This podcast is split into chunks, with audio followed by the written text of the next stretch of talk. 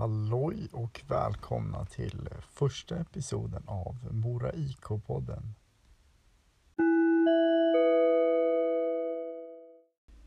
Kan Mora utöka sin segersvit efter fem raka vinster och eh, två övertygande segrar mot Väsby där Eklind och Ludvig Larsson hade en väldigt stor kväll efter Moras eh, 0-2 vändning till 5-2.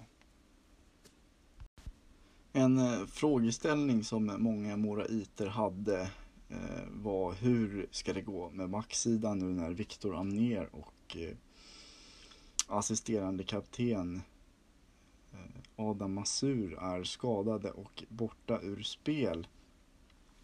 Ja, senaste matcherna måste man väl ändå säga att med eh, lånet av Albert Lyckåsen eh, och då att vi har flyttat upp Viktor Larsson ifrån J20 samt eh, Mattias Norstebö som har tagit ett eh, jättesteg inför den här säsongen när han har blivit eh, tilldelad kaptensbinden.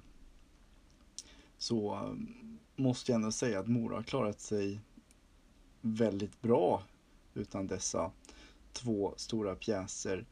Eh, sen eh, framåt får man väl se hur det blir när de här blir, när Viktor och eh, Masur då blir redo för spel.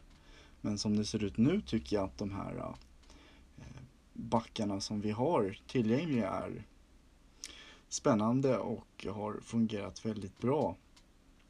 Där till exempel Albert Lyckåsen har kommit direkt in i powerplay och eh, bidrar väldigt mycket offensivt med sin härliga skridskoåkning och eh, eh, härliga puckteknik.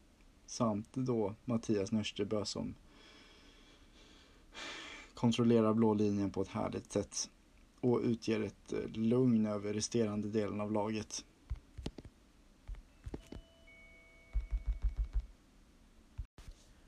Jag är då positivt inställd till eh, Moras nuvarande backpar.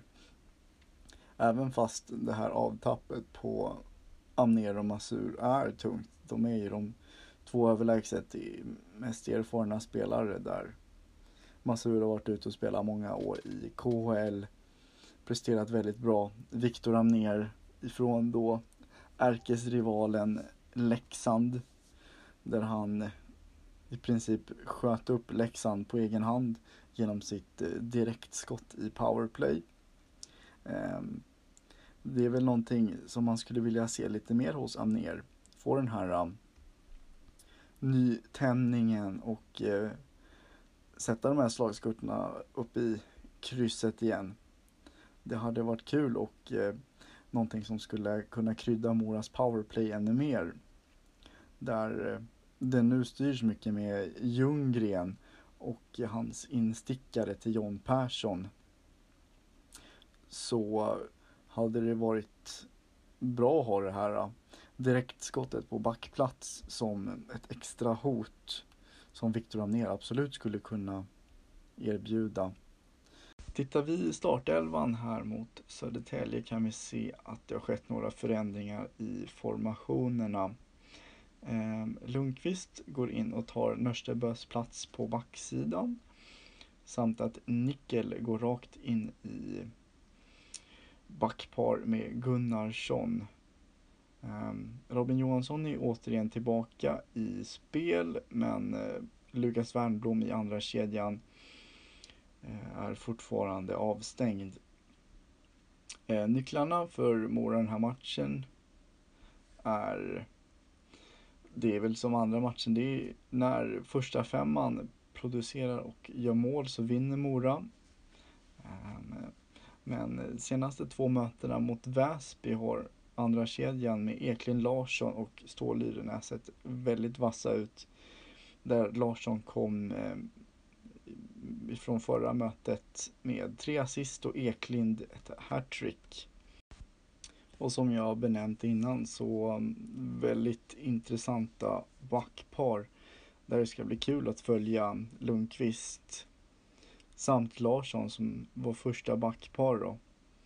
Eh, se hur Mora klarar sig utan eh, kapten Nörstebö den här matchen. Vilken av backarna det är som det kommer att eh, sticka upp. Jag skulle kunna tänka mig att eh, pansare som det inte pratas jättemycket om kan ta den här ledande rollen av backarna.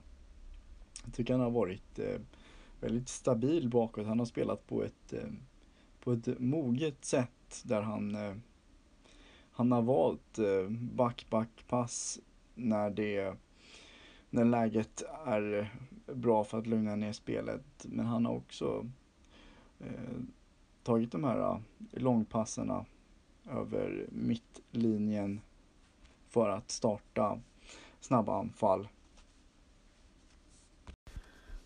Då över, utöver backarna så är det såklart farten i den här matchen som kommer att vara det centrala. Både Södertälje och Mora har ju en väldigt hög fart i sina spel.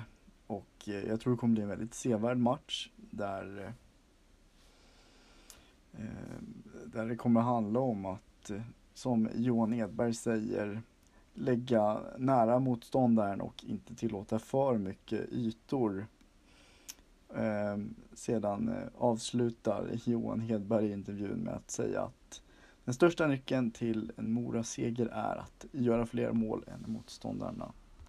Så det avrundar vi det här med och eh, återkommer igen till eh, att göra en sammanfattning av den här matchen.